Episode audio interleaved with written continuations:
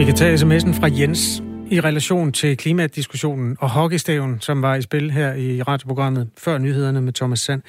Øh, det var Ruben Kide fra Enhedslisten, der var på banen øh, der. Vi tager lige Jens' sms. Han skriver, Godmorgen. Tænk, hvis hele verden havde valgt at skyde de samme penge øh, med i klimakampen her og nu, som corona har kostet verden i år.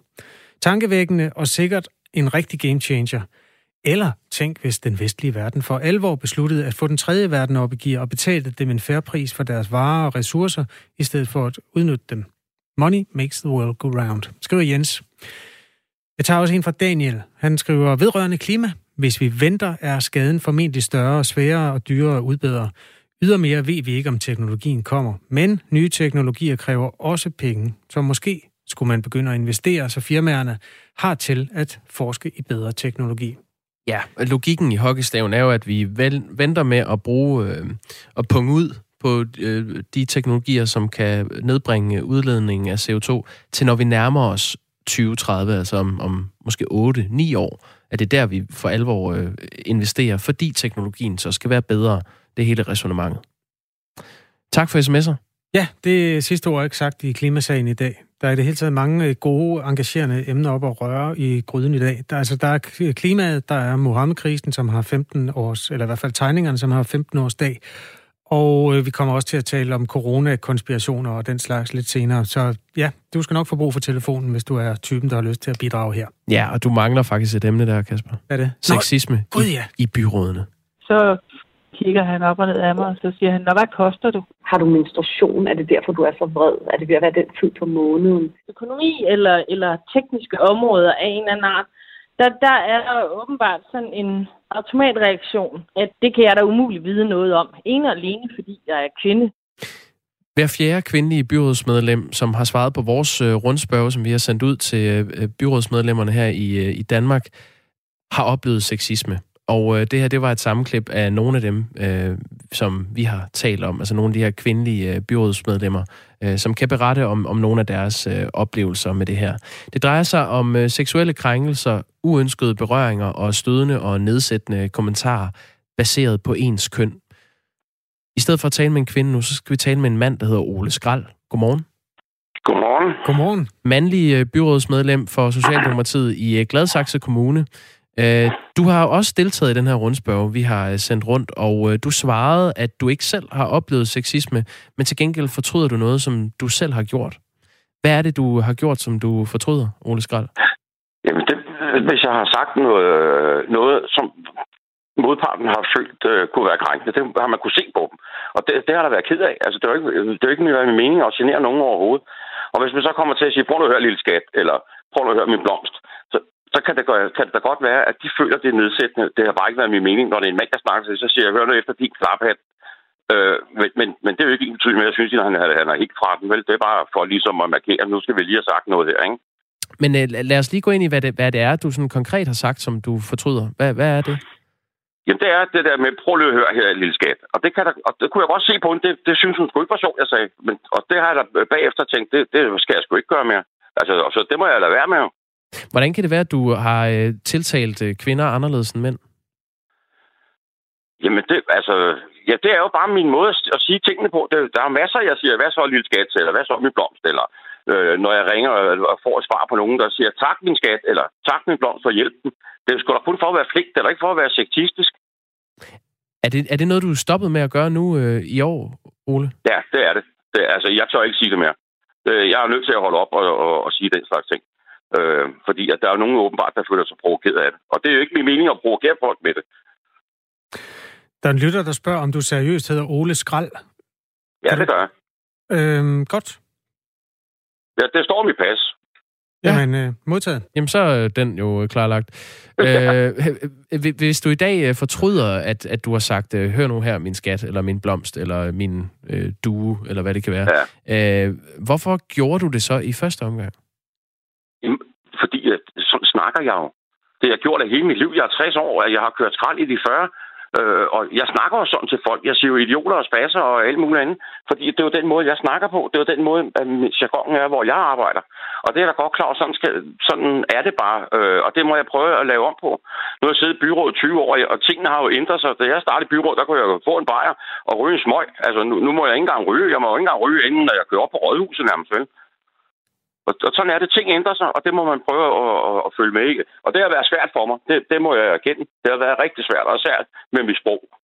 Hvad, hvad er det, der, øh, der har fået dig til at, at stoppe med det her? Altså, er, er, det, er der nogen, der har sagt til dig, det skal du ikke kalde mig, eller er det fordi, du kan se, at det, at det gør noget ved jeg, de kvinder? Jeg, jeg, jeg kunne se lige på den, altså, øh, på, på den episode, der kunne jeg se på hende, at det, det synes hun ikke var sjovt. Og så siden har jeg jo så lavet være over for hende, og så har jeg prøvet at lade være over for andre også, fordi hvis ikke de, de synes, altså hvis, hvis det er, de, de kan føle, det er, det er nedladende eller et eller andet. Jeg gør det jo ikke for at være nedladende. Vel? Og så må jeg jo lave om på mit sprog, så, så de forstår det på en anden måde i stedet for. Ikke? Noget af det, der ligger i hele den der debat, det, det handler jo det der med, at, øh, at man kan føle som, som kvinde, at man bliver forskelsbehandlet på baggrund af ens køn. Altså, det er ligesom at kønnet, der bliver trukket frem, ja. i stedet for det, man... Men, øh... men det er jo også det, de gør nu jo.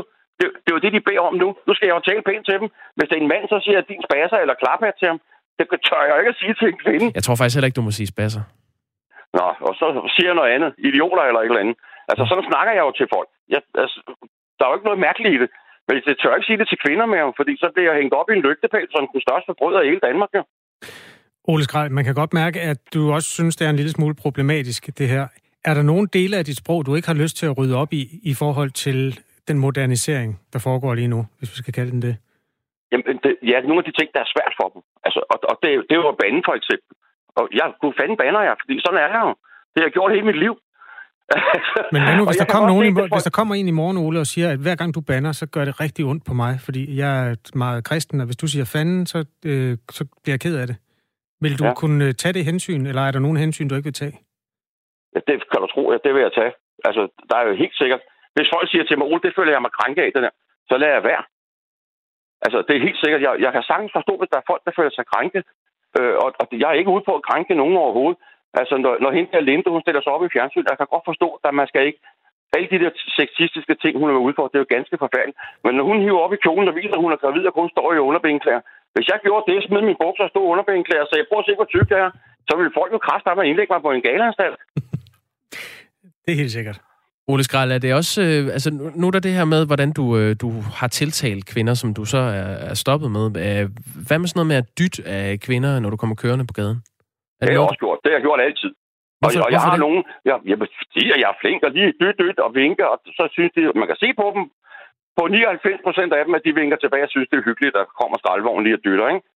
Øh, jeg har en dame, jeg har dyttet af i snart 30 år, og hun kommer gående med sin hund. Stadigvæk, hun er blevet pensionist nu. Og bare hun ser min lastbil, så står hun nu på vejen og vinker til mig. At det, at, at, at det være provokerende, det synes jeg da ikke. Det skulle da være flink at hilse på hende og synes, det er hyggeligt. Jeg ved ikke engang, hvad hun hedder. Nej, det lyder som om, I har, I har noget fint kørende der. Øh, hvad med sådan fysiske øhm, krænkelser eller berøringer, uønskede berøringer eller sådan noget? Er det noget, du har kunne finde på? Nej, det er det absolut ikke. Jeg er gift på 40 år, det var med den samme kvinde. Så jeg har ingen krænkelser af den slags over på nogen overhovedet. Jamen, grund til at spørge dig, det er fordi, at, øh, at de fleste, som har svaret på den her rundspørge, de, de oplever nedsættende kommentar og, øh, og forskelsbehandling på grund af deres køn. Det, det er hver fjerde kvinde. Men hver tiende af dem, der har svaret, de har oplevet øh, fysiske krænkelser.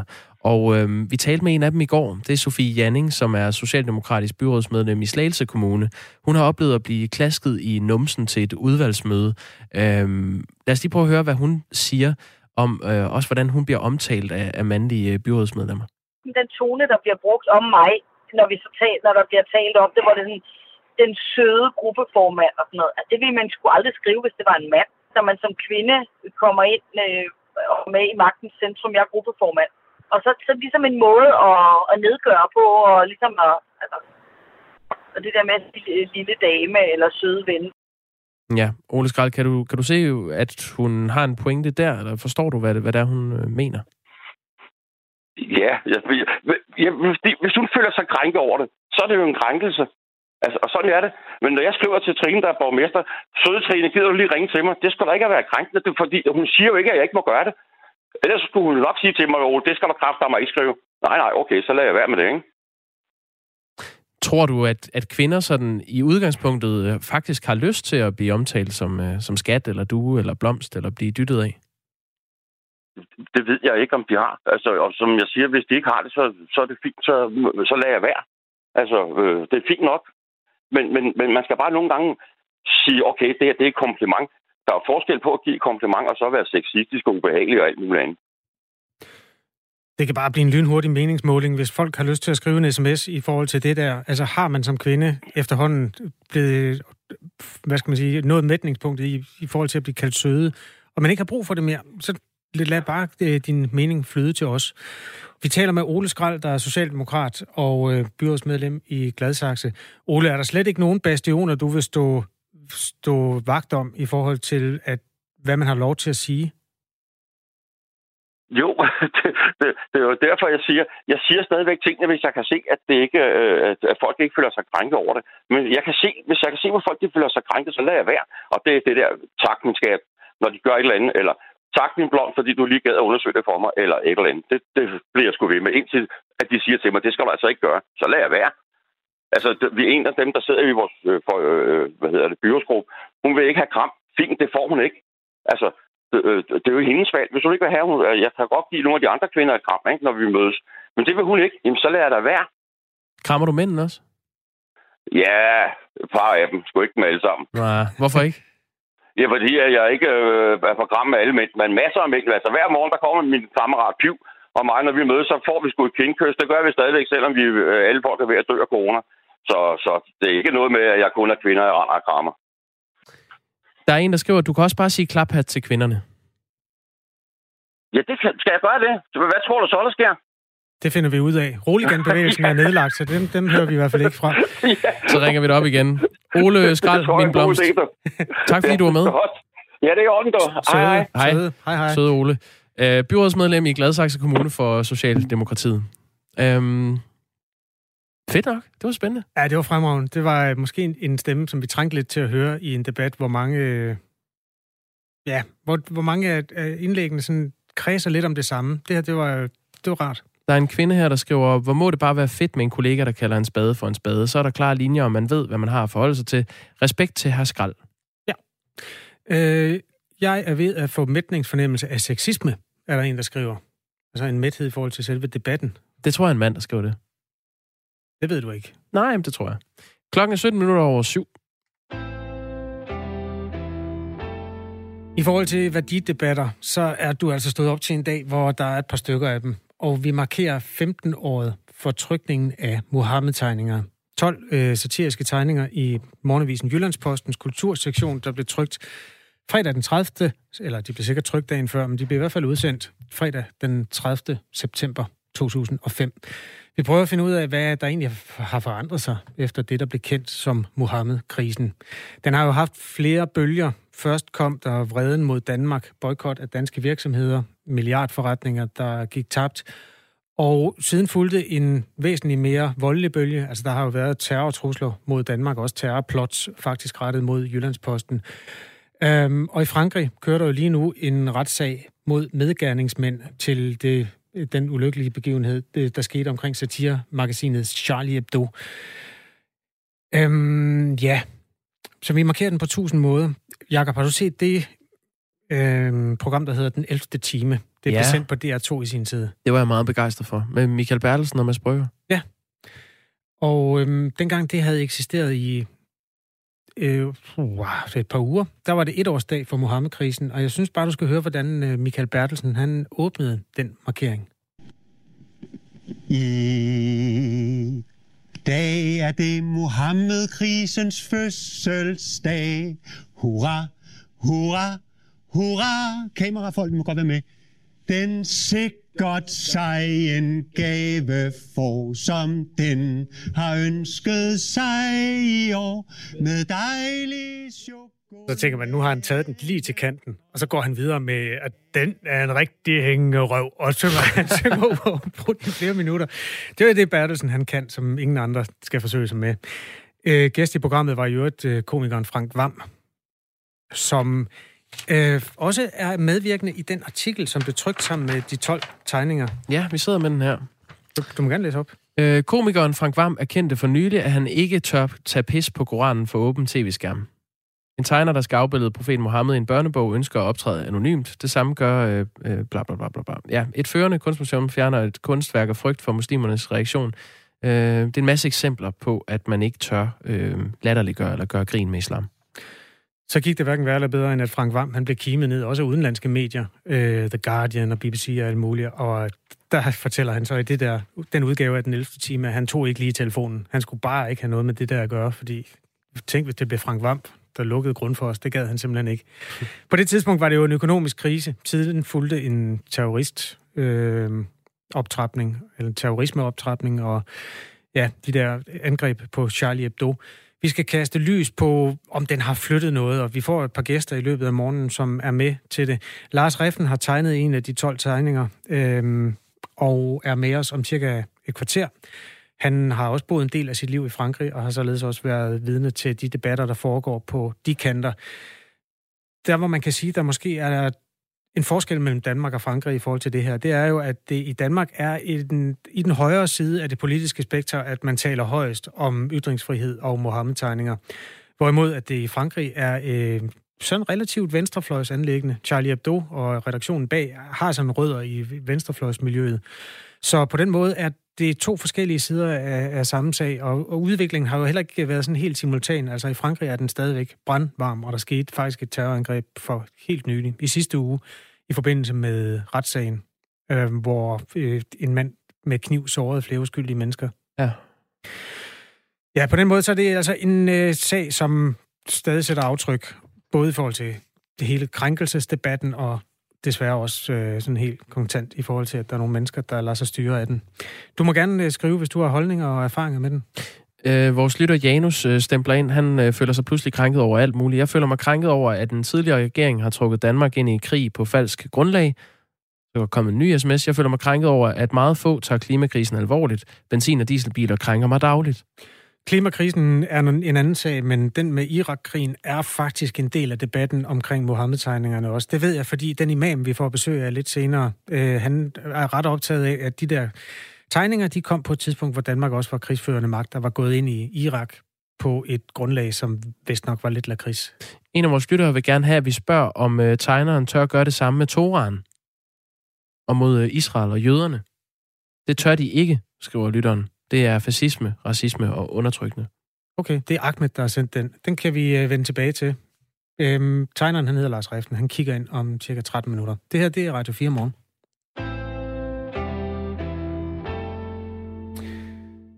Christiansborgs Slotsplads er blevet bevas, besat af klimabevidste unge mennesker. Unge aktivister fra noget, der hedder Fridays for Future, som står bag det her klimaoprør.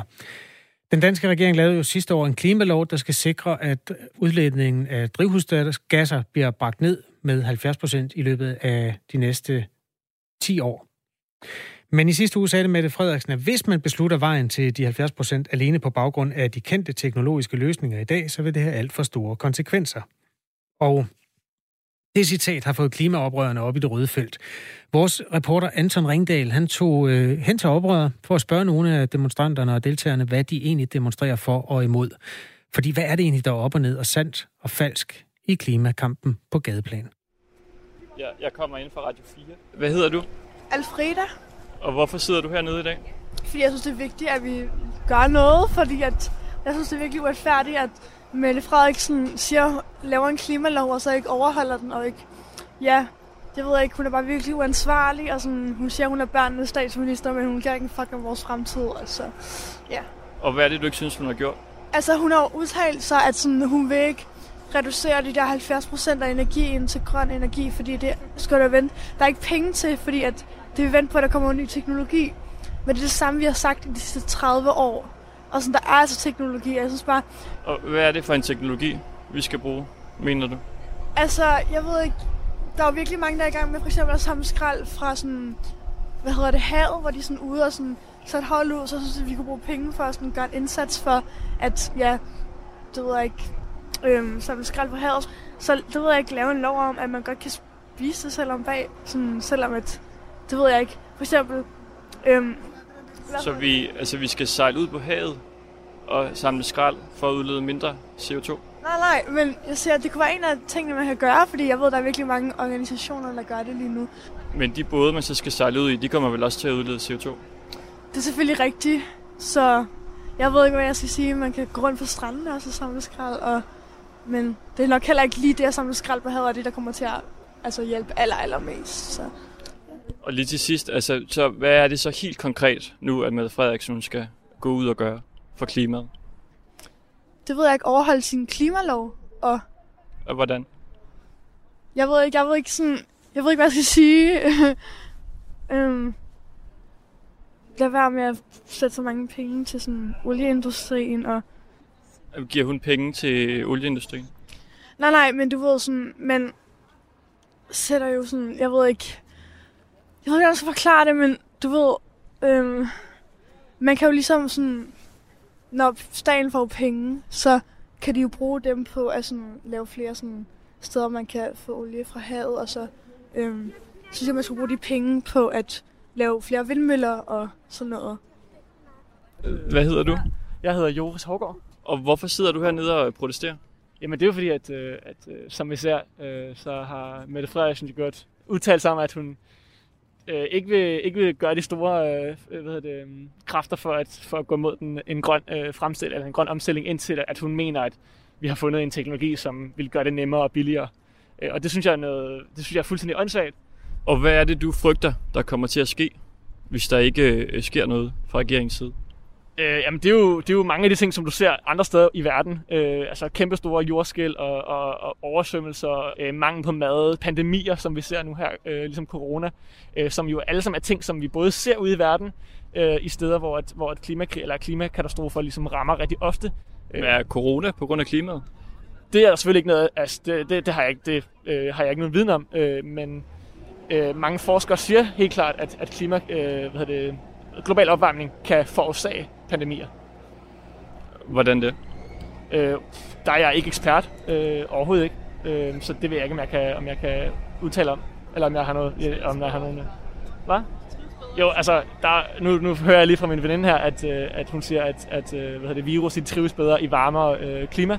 Øh, ja. Undskyld, jeg kommer ind fra Radio 4. Må jeg tale med en af jer? Altså, vi vil blot have, øh, at hun følger altså, den klimalov, øh, som de besluttede sig for for et år siden. Øh, det er det eneste, vi kræver. Det er meget simpelt. De lovede os en klimalov. De lovede os en 70% reduktion i 2030. Men lige nu viser det, øh, at hu- hun overhovedet ikke øh, vil følge den vej. Og hvordan synes I, at, øh, at de skal gøre det, regeringen? Øhm, altså lige nu så kigger de på altså sådan nogle forskellige områder, øhm, og de her klimaoprør altså sådan, er også meget altså sådan et større perspektiv. Lige nu vil vi bare gerne have, at hun følger den vej. Øh, de har mange forskellige sektorer, som de har mulighed for at reducere indenfor. Vi har faktisk altså sådan rigtig mange forskellige øh, muligheder, vi kan gøre det. Der er rigtig mange ting, vi kan gøre lige nu. Og hvad synes I konkret, der skal gøres? Øhm, altså, der er mange ting, altså, der skal gøres, men altså lige nu, det her klimaoprør går ud på, at vi vil have, at de følger en 70% graders vej. Hvad kunne være nogle af tingene? Du siger, der er mange ting. Det kunne for eksempel være en altså sådan klimaafgifter på varer, øhm, altså øh, i forhold til hvor mange, altså hvor stor en klimaudledning øh, den vare har. Øh, det kræver vi for eksempel. Øhm, ja. Er der flere muligheder end klimaafgifterne? Øh, ja, altså vi kan for eksempel kigge på landbrug, øh, og kigge på, at det kan altså sådan, lige så mange husdyr, øh, øh, hvad hedder det, dyr, som vi producerer, øh, fordi det vil altså sådan beskære vores CO2-udledning markant. Tusind tak for det. Ja, tak. Ja, det var vores reporter, Anton Ringdal, som var ved Christiansborg Slotsplads i København for at tale med nogle af demonstranterne. Klimaoprøret fortsætter ifølge arrangørerne hele ugen. Jytte Appelstrøm er jo øh, udødeliggjort i de film, der hedder Flyvende Farmor. Og øh, vi har åbenbart en lytter, der er cyklende mormor. Og hun skriver, stop motoren, råber jeg til bilister, der sidder og bruger mobilen, mens bilen, mo- bilens motor kører. Det er unødig forurening, totalt unødigt. Så fat det dog. Jeg cykler og kan ikke undgå bilers unødige forurening. Så venligst, stop motoren, kære bilister. Tænk jer om. Venlig hilsen, øh, cyklende mormor. Og Jytte Abelstrøm vil være fuldstændig enig. Jeg tror godt, jeg ved, hvor hun står i forhold til klimapolitik. Det er en... Øh, altså, jeg tager jo ofte færgen mellem Sjællands Øje og Aarhus. Ja. Og ser nogle gange de der biler, der holder Altså, de kommer hen, og de holder kø, og så lader de motoren køre i 10-15 minutter, indtil de skal køre ombord. Og hver anden gang, så laver jeg lige det der lille, hvor man sådan illustrerer en nøgle, der bliver drejet. Sluk motoren, Fister. Gør du det? Ja, det gør jeg. Nå. Øh, og de bliver altid sure. Alle bliver sure, uden undtagelse. Ja, super. Nu er klokken halv otte.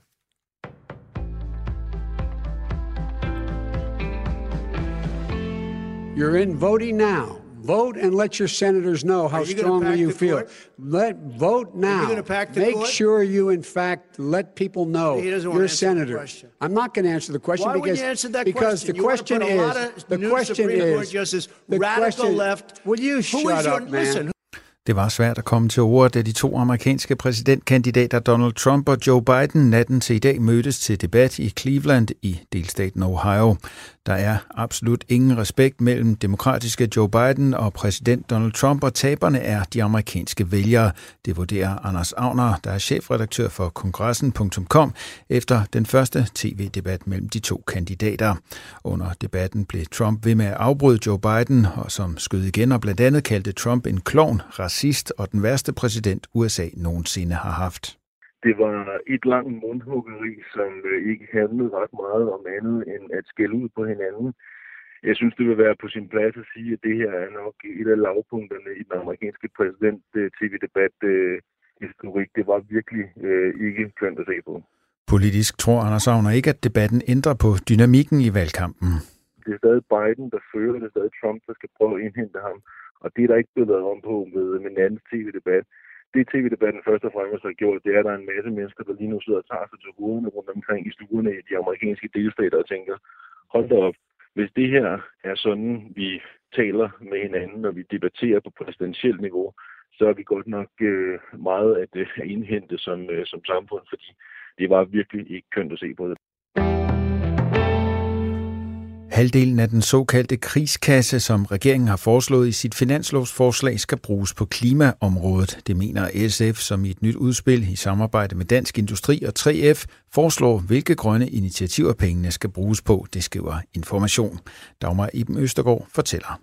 Krigskassen på i alt 9,2 milliarder kroner skal få Danmark igennem coronakrisen. Men bruger man halvdelen af midlerne til klima, som SF ønsker, så vil det give den grønne omstilling 4,6 milliarder ekstra.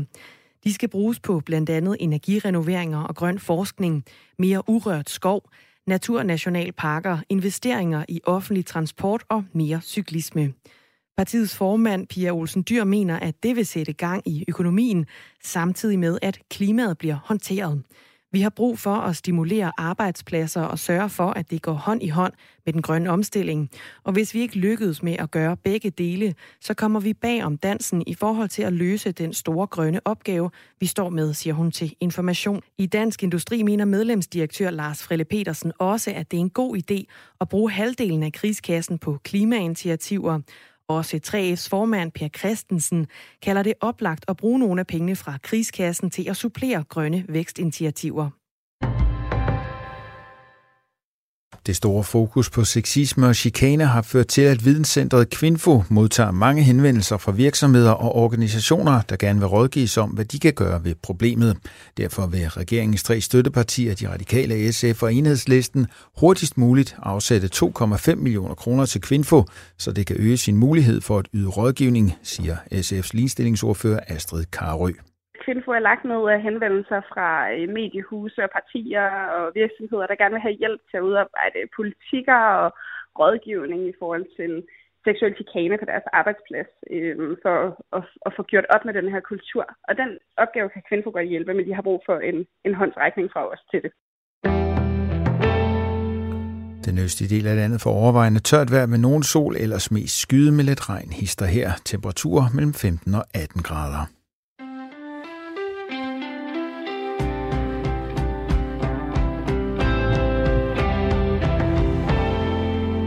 Radio 4 Morgen er programmet, du har tændt for, og øh, der kan du altså godt lade øh, radiosenderen stå, fordi vi sender i, øh, ja, vi sender jo hele tiden på Radio 4, men Radio 4 Morgen sender indtil klokken 9. Øh, derefter er der ring til du, og der er rig mulighed for at, at blive hængende. Nå, der er en, der skriver her på sms'en, Kasper. Er det placeret i glemmebogen, at imamer blev afsløret i at lave fake news for at piske en stemning op? Se Ekstrabladets forside onsdag den 8. februar 2006. Det er ikke sikkert, at tegningerne, altså Mohammed-tegningerne, uden imamernes falske historier, er værre end de satiretegninger, de selv laver. Må imamerne egentlig er stillet til ansvar for deres handlinger? Gæt en gang. Øh, ja, Mohammed-tegningerne, skal vi sige til folk, der er kommet til i løbet af de sidste 15 år. Altså, de blev trygt i Jyllandsposten og udsendt for præcis 15 år siden. Det er derfor, vi taler om det. Der fulgte nogle milliardtab for danske virksomheder, og i øvrigt også senere øh, nogle blodige attentater, dybe religiøse grøfter.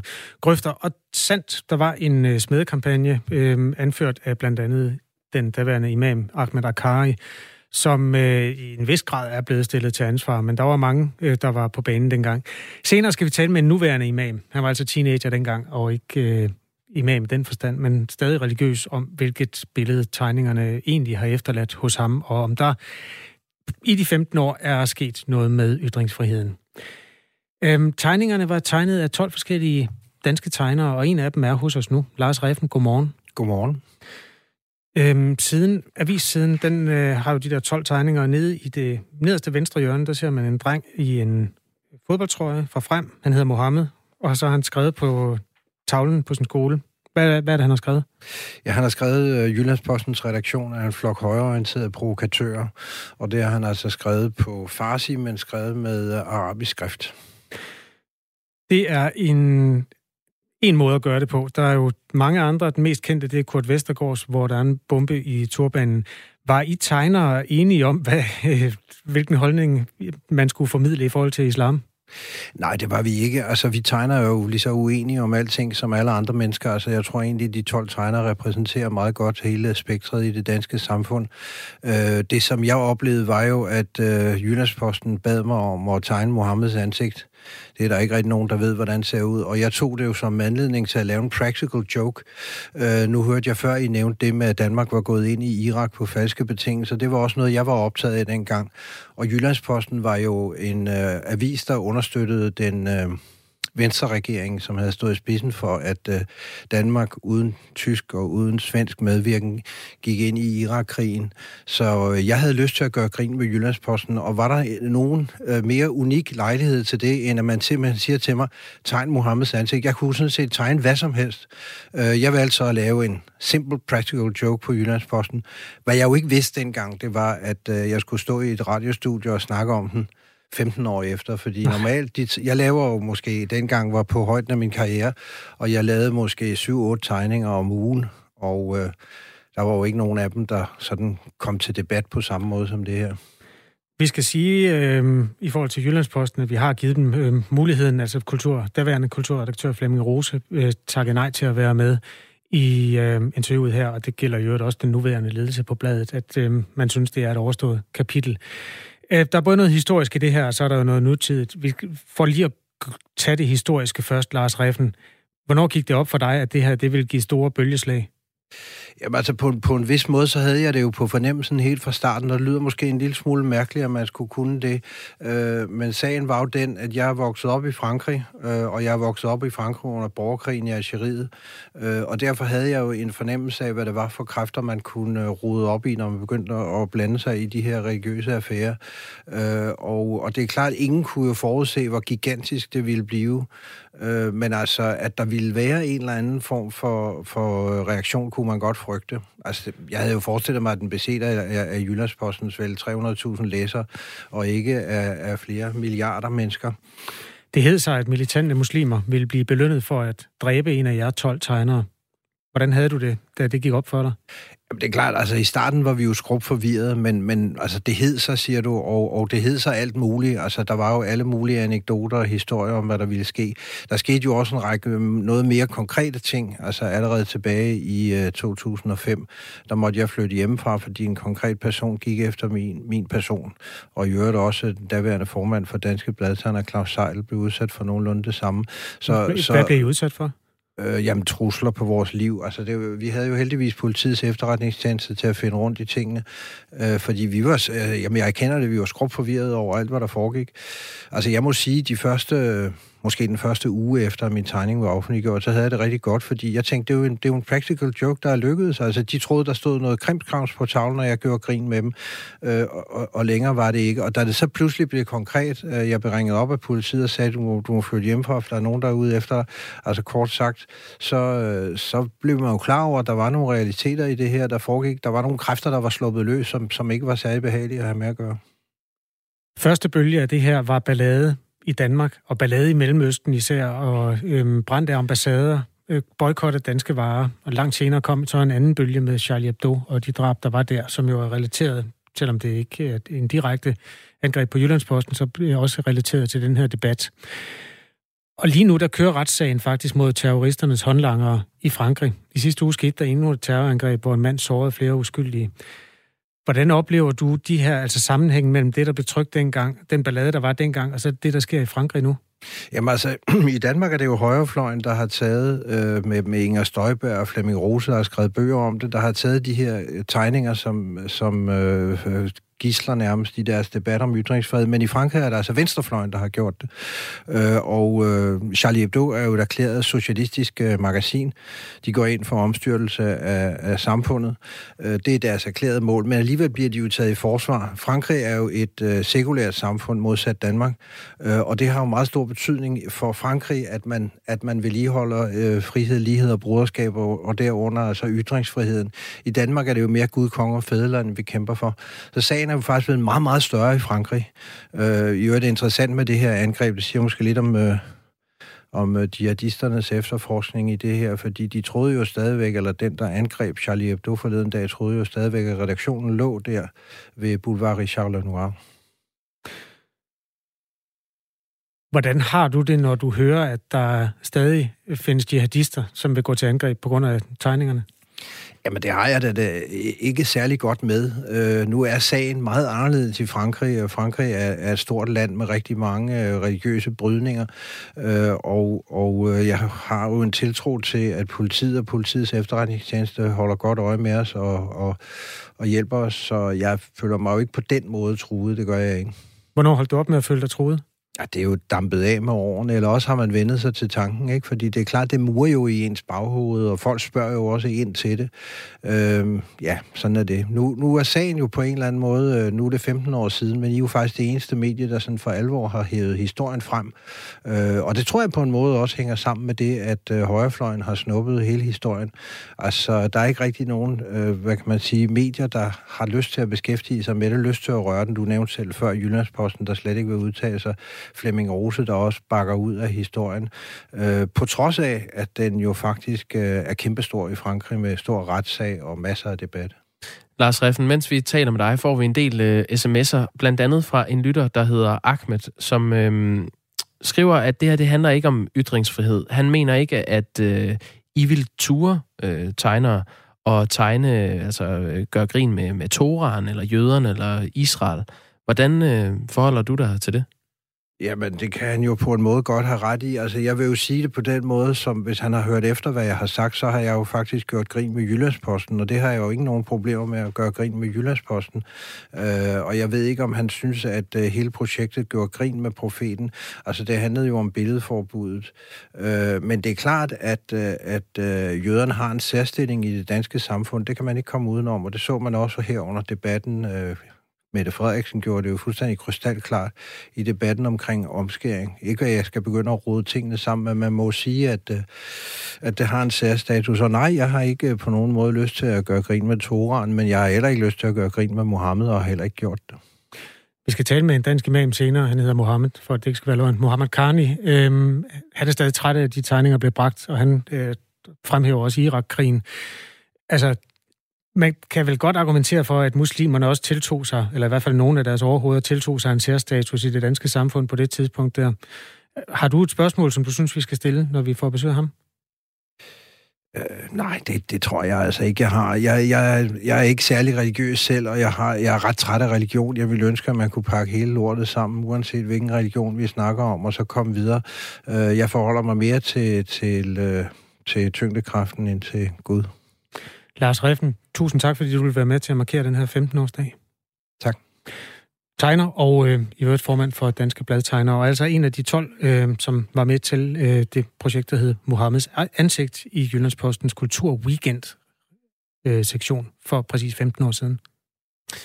Klokken er øh, 16 minutter i 8, og det er så Radio 4 morgen, som markerer 15-året for Mohammed-tegningerne, blandt andet. Der var pressemøde i går, øh, Kasper, så du det? Nej, det var... Nej, nej.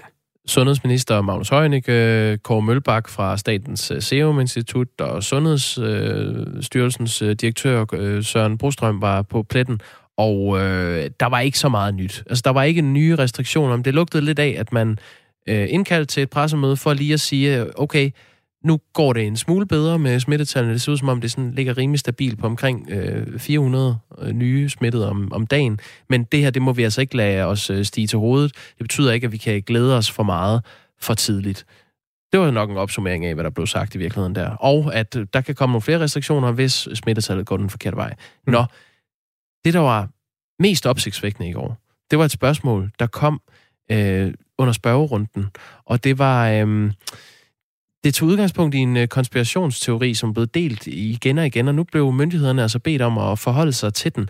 Det var øh, efter et svar på en agtindsigt, øh, som har sået tvivl om coronavirus eksistens, var der cirka 39 minutter inde i, i pressemødet i går en journalist, en mand, der hedder Christoffer Krav, som præsenterede sig som journalist fra Midtjyllands Medier, der fik ordet, og øh, jeg skal lige sige, før jeg spiller det klip, Midtjyllands medier eksisterer slet ikke. Sådan. Så skal vi helt over i hjørnet herovre. for Krav på Midtjyllands medier.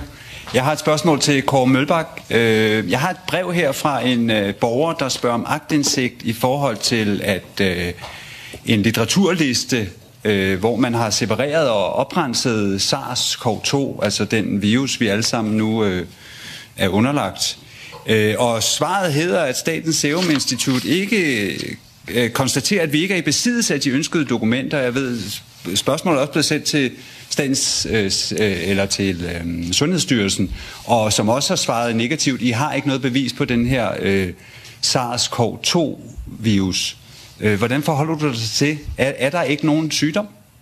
Jo, naturligvis er der en sygdom, og jeg mener, det var jo tidligt, at øh, denne her virus blev, øh, blev identificeret, og øh, vi øh, påviste den også, og vi er i stand til at dyrke den på vores laboratorium, så, så jeg forstår ikke rigtigt dit spørgsmål. Det var Kåre Mølbak, øh, faglig direktør i øh, Statens Serum Institut, som altså svarede på det her spørgsmål fra øh, Christoffer Krav, som er i virkeligheden medlem af partiet øh, JFK 21. Det er et parti, der ifølge avisen Danmark stiller spørgsmål til myndighederne og mediernes øh, troværdighed. Og det var så som øh, med udgangspunkt i en agtindsigt, der var blevet øh, sendt til sundhedsmyndighederne, hvor de havde givet afslag på at forklare, øh, hvad bevæggrunden er for at, at tro, at der findes noget, der hedder covid-19. Altså jeg må indrømme, jeg, en sten falder fra mit hjerte, at det endelig er et af de mistroiske mennesker, der får lov at stille spørgsmål til de pressemøder der, for det har været med til at fodre hele øh, mistroen til myndighederne, at det kun er det etablerede pressekorps. Det er der fremragende. Hvor, havde han præsenteret sig som, øh, hvad skal man kalde det, konspirationsteoretiker, eller som, som journalist for at komme ind? Øh, journalist fra ja. Midtjyllands Medier. Ja. Øh, og hans projekt er, at han ser pressen som mikrofonholder, og derfor var det vigtigt at spørge om det her. Jeg synes lige, vi skal høre ganske kort fra Søren Brostrøm. Han blev nemlig øh, decideret sur. Øh, jeg forstår så ikke dit svar, Nej. fordi det er jo et svar fra Statens Serum Institut. I kan ja. få brevet her til en borger, som jo selvfølgelig ja. ikke er så offentligt, som det kunne være.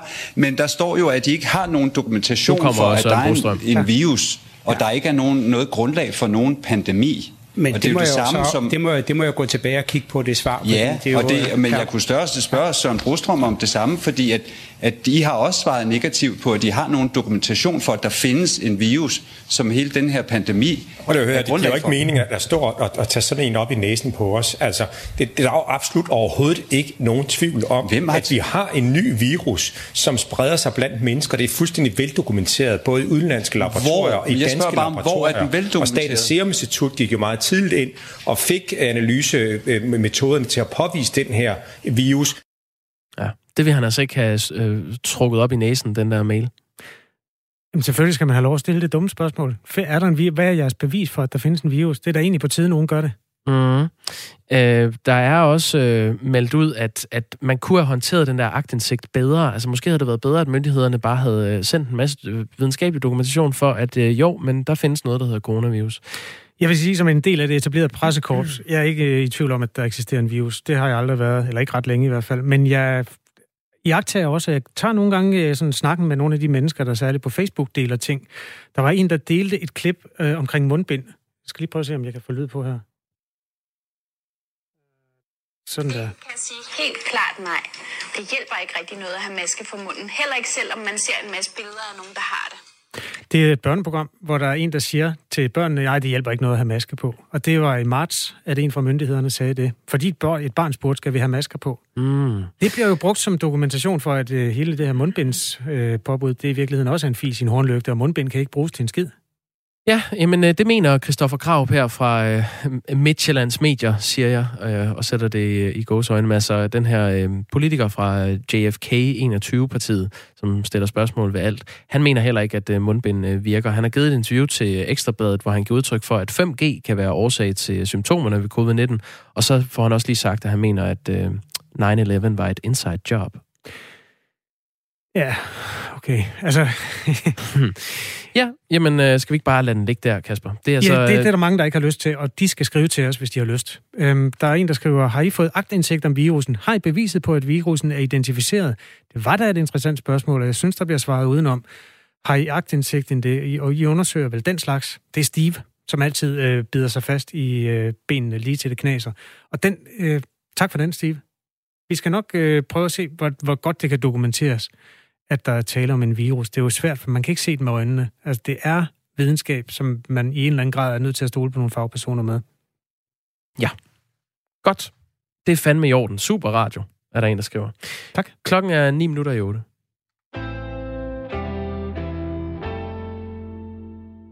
Når kommunerne, landets 98 kommuner, skal vurdere, om øh, børn og voksne med et handicap skal have ekstra støtte, eller forældre skal have øh, tabt øh, arbejdsfortjeneste på grund af deres børns handicap, så sker der alt, alt for mange fejlvurderinger.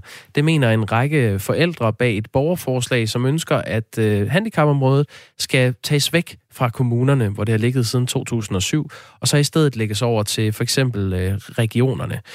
Forslaget har indtil nu fået lidt over 17.000 underskrifter. Øh, godmorgen, Monika Lylloff. Godmorgen. Godmorgen. Mor til tre børn med øh, handicap, initiativtager til gruppen En Million Stemmer, som kæmper for handicappedes, øh, handicappedes retssikkerhed, og øh, har cirka 24.000 medlemmer på Facebook, og så er du forslagstiller øh, til det her borgerforslag, handicapområdet skal væk fra kommunerne så har vi fået ja. dig placeret. Øh, hvilke erfaringer fra, fra dine egne børn har overbevist dig om, at øh, kommunerne ikke magter at løfte den her opgave? Mm, jamen altså, jeg må sige, at mine egne erfaringer øh, har vist, at man er nødt til at øh, være øh, uddannet jurist for overhovedet at kunne finde rundt i den øh, øh, labyrint, som man egentlig bliver stillet over for, når man skal til at søge om noget hjælp fra kommunen. Altså det er en en øh, fejlopfattelse ude i samfundet, at har man et handicap i Danmark, så står kommunen klar til at hjælpe øh, med, hvad der nu er brug for. Hvad er det for en øhm, labyrint, du, sådan er virkelig. du møder, når du øh, beskæftiger dig med jamen, kommunen? Jamen, den starter faktisk med, at man ikke engang ved, hvor indgangen er. øhm, jeg må sige, at, at jeg... Øh, gik fra at være en karriereambitiøs øh, jurist, som overhovedet ikke øh, øh, tænkte over handicap, handicapområdet. Hvordan får man hjælp? Hvorfor skulle jeg det? Fordi det var ikke noget, jeg ligesom havde inden for øh, i min familie. Øhm, og så lige pludselig så slog lynet ned hos os med, at vores piger blev født for tidligt. Og øh, jeg anede intet så det var et rent tilfælde, at jeg af en anden forældre øh, blev gjort opmærksom på, at der faktisk var en mulighed for at få noget hjælp i hjemmet. Og det er jo øh, øh, ret bekymrende, at, øh, at man, at man som, som borger i, i landet går rundt med en forestilling om, at der er et velfærdssamfund, der bare fungerer, og at øh, når man så bliver syg eller får et handicap, så står der et system klar til at hjælpe. Øh, det gør det i mange situationer, Bare ikke på det her område, og på øh, socialområdet i øvrigt. Øh, for det er jo ikke kun handicapområdet, det her det halter. Tidligere lå øh, hovedansvaret hos øh, de 14 amter, og det var altså øh, før for 13 år siden, hvor øh, kommunerne fik ansvaret for, for handicapområdet. Og der er noget, der kunne tyde på, øh, Monika Lylloff, at øh, dine oplevelser ikke er øh, unikke i den her forbindelse. I, I 2019, sidste år, der øh, afgjorde Ankestyrelsen 1121 sager på øh, det her voksenhandicapområde, og øh, det var cirka hver anden sag på både børne- og voksenhandicapområdet, der blev øh, omgjort af Ankestyrelsen. Omgørelserne betyder enten, at øh, afgørelsen på sagerne bliver ændret eller ophævet, eller at sagen bliver sendt øh, tilbage til kommunen, for at de kan behandle sagen på ny, fordi der har været fejl i øh, sagsbehandlingen. Øh, det kan være alt fra støtte til hjælpemidler til handicappede øh, tilskud til behandlingstilbud, der er blevet frataget, eller tabt arbejdsfortjeneste til forældre til børn med, øh, med handicap. Og derudover konkluderer advokatsamfundet i en rapport, at nogenlunde de samme tal gør sig gældende for de sager, som aldrig når til øh, anklagestyrelsen. I det her borgerforslag, handicapområdet skal væk fra kommunerne, foreslår I jo, at, øh, at området så skal ud til regionerne eller placeres øh, centralt i, i staten. Øh, kommunernes landsforening, dem skal vi tale med øh, senere, og de mener imidlertid ikke, at det giver mening at flytte det her handicapområdet, De peger øh, derimod på, at lovgivningen bør ændres og forenkles, fordi det er lovgivningen, der gør arbejdsvilkårene for, for sagsbehandlerne i kommunerne svære og fører til de her fejl, øh, som man ser. Det siger kommunernes landsforening altså. Øh, Monika Lylloff, er det ikke et unødvendigt stort indgreb at flytte hele handicapområdet, øh, når kommunerne selv mener, at det kan løses, hvis man laver en mere simpel lovgivning? Altså når øh, KL øh, kommer med, med denne her udtalelse, som de jo har gjort mange gange, så er det jo ret uklart, hvad det er for nogle regler, de ønsker at få øh, forenklet, hvis det er det, de er ude efter. Øh, fordi der er jo to typer regler på det her område. Der er den lovgivning, som beskriver, hvilken hjælp borgerne skal have, og hvad de har ret til. Og så er der de regler, som beskriver, øh, det grundlag, som kommunen skal træffe afgørelsen ud fra. Altså, hvad skal de overholde af regler for, at afgørelsen bliver lovlig? Det er lidt ligesom at sige, øh, når politiet laver en efterforskning, så kan de jo ikke bare efterforske, som de nu har lyst til. Altså, der er jo nogle regler, de skal overholde for, at deres efterforskning bliver anset for at være lovlig. De kan jo ikke bare bryde ind i folks hjem eller anholde folk, fordi de lige synes, øh, at de har lyst. Altså, der er nogle regler, der skal overholdes. Det, der er problemet i det her, det er altså for det første, at de ikke øh, laver afgørelser ud fra, hvilket behov borgerne har. Altså det har man jo nogle ret klare eksempler på. Men mange af de sager, som bliver omgjort i Ankestyrelsen, og det er jo dem, der bliver sendt tilbage til kommunerne, det antal er steget kraftigt. Det er de sager, hvor at sagsbehandlingen simpelthen ikke har været i orden, hvor det simpelthen er et ulovligt grundlag, det her det er truffet ud fra. Mm. Det vil sige, at de har ikke indhentet de rigtige oplysninger, de har ikke sørget for at partshøre borgerne, de har ikke vejledt om klagemuligheder osv. Og det er jo nogle garantier, som er vedtaget i en retsstat, som, som Danmark er, at vi skal beskytte borgerne mod, at offentlige myndigheder bare kan, kan gøre, som de har lyst til. Så det er jo virkelig, virkelig bekymrende, hvis KL øh, mener, at det er de regler, som er for svære. Fordi det er jo åbenbart dem, de ikke kan finde ud af at overholde, når det er de sager, som bonger mest ud i, øh, i procenterne. Hvis du og i nu, forhold øh, til... ja, ja, lad os lige prøve at blive til ved, hvad man så kan gøre ved det. Vi har øh, halvandet minut i, igen, Monika Lylloff. Altså, ja, hvis du nu fik ja, det politiske ja. og økonomiske ansvar, carte blanche til at ændre, hvad du vil, øh, hvor vil du så placere handicapområdet, hvis det ikke skal ligge hos kommunerne? Jamen altså det primære formål må være, at, at man i Danmark, som er en retsstat, at der er lige vilkår for alle. Det er der ikke nu. Det er så vilkårligt, hvordan det her område bliver forvaltet. Vi skal have en, øh, en central øh, styring med visitation, så man er sikker på, at, øh, at øh, afgørelserne er lige øh, uanset hvor du bor i landet. Så skal vi have øh, sagsbehandlingen tæt på de eksperter, som ved noget omkring det her. De sidder jo ofte i regionerne. Det er sundhedsvæsenet, det er psykiatrien, der sidder lægerne. Få det hele samlet, så vi har ekspertisen øh, og muligheden for at opbygge den specialiserede viden, der er brug for kommunerne har et for småt befolkningsgrundlag til at kunne opbygge det her. Det, det har jo vist sig siden 2007, og det er derfor, der bliver så mange fejl. Fordi det, man gør meget sjældent, er det svært at blive god til. Øhm, så hvis det er, at der kommer nogle større enheder, som har muligheden for at opbygge denne her specialiserede viden, så tror jeg, at der bliver reddet rigtig meget. Det sagde øh, Monika Lylloff, altså mor til tre børn med handicap selv, og så forslagstiller bag det her borgerforslag. Handicapområdet skal væk fra kommunerne, som har fået lidt mere end 17.000 øh, underskrifter. Tak fordi du var med. Ja, velbekomme. Det her radioprogram hedder Radio 4 Morgen. Den, øh, der er en time tilbage. Vi skal blandt andet øh, kigge på Mohammed-krisen i en imams optik og ja, alt muligt andet. Ja, og så skal vi altså tale med kommunernes øh, landsforening klokken lidt over halv ni. Nu er klokken 8.